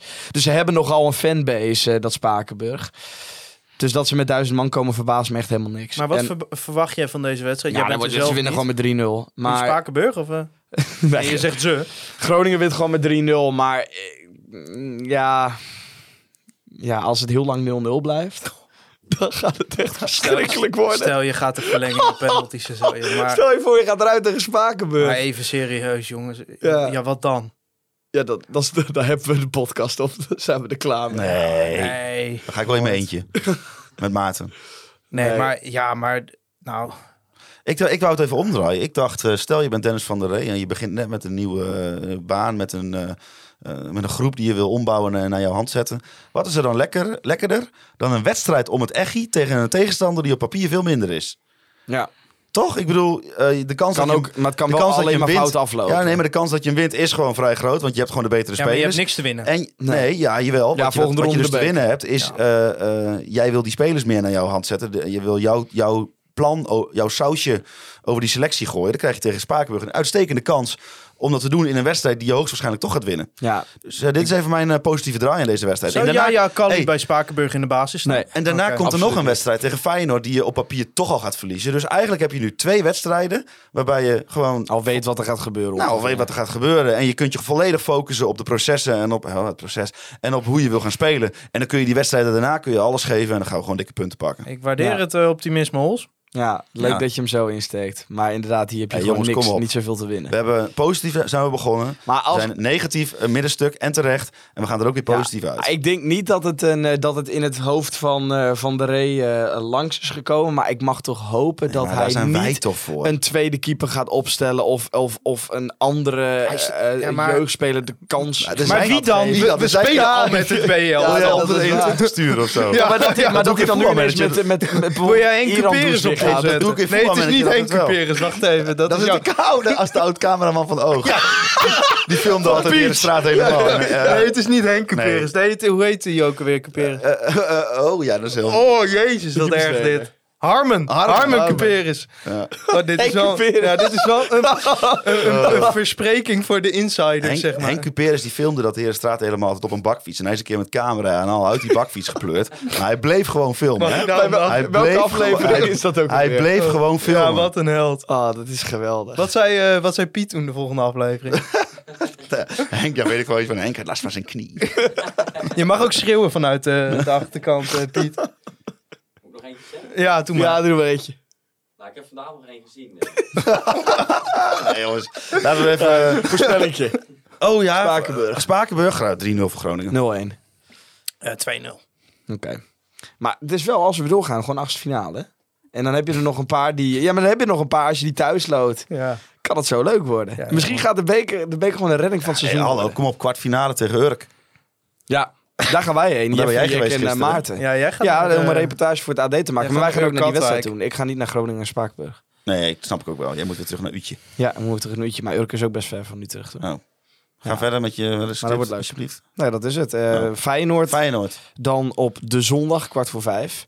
Ja, jij zei het al, die zijn de goede vorm. Ja, kansloos verhaal. Ja, dat wordt... eh, Moet raar lopen. Dat was het tegen PSV ook. Er is altijd een kans. Maar ik vind eh, Feyenoord echt goed dit seizoen. Dus daarom zei ik kansloos verhaal.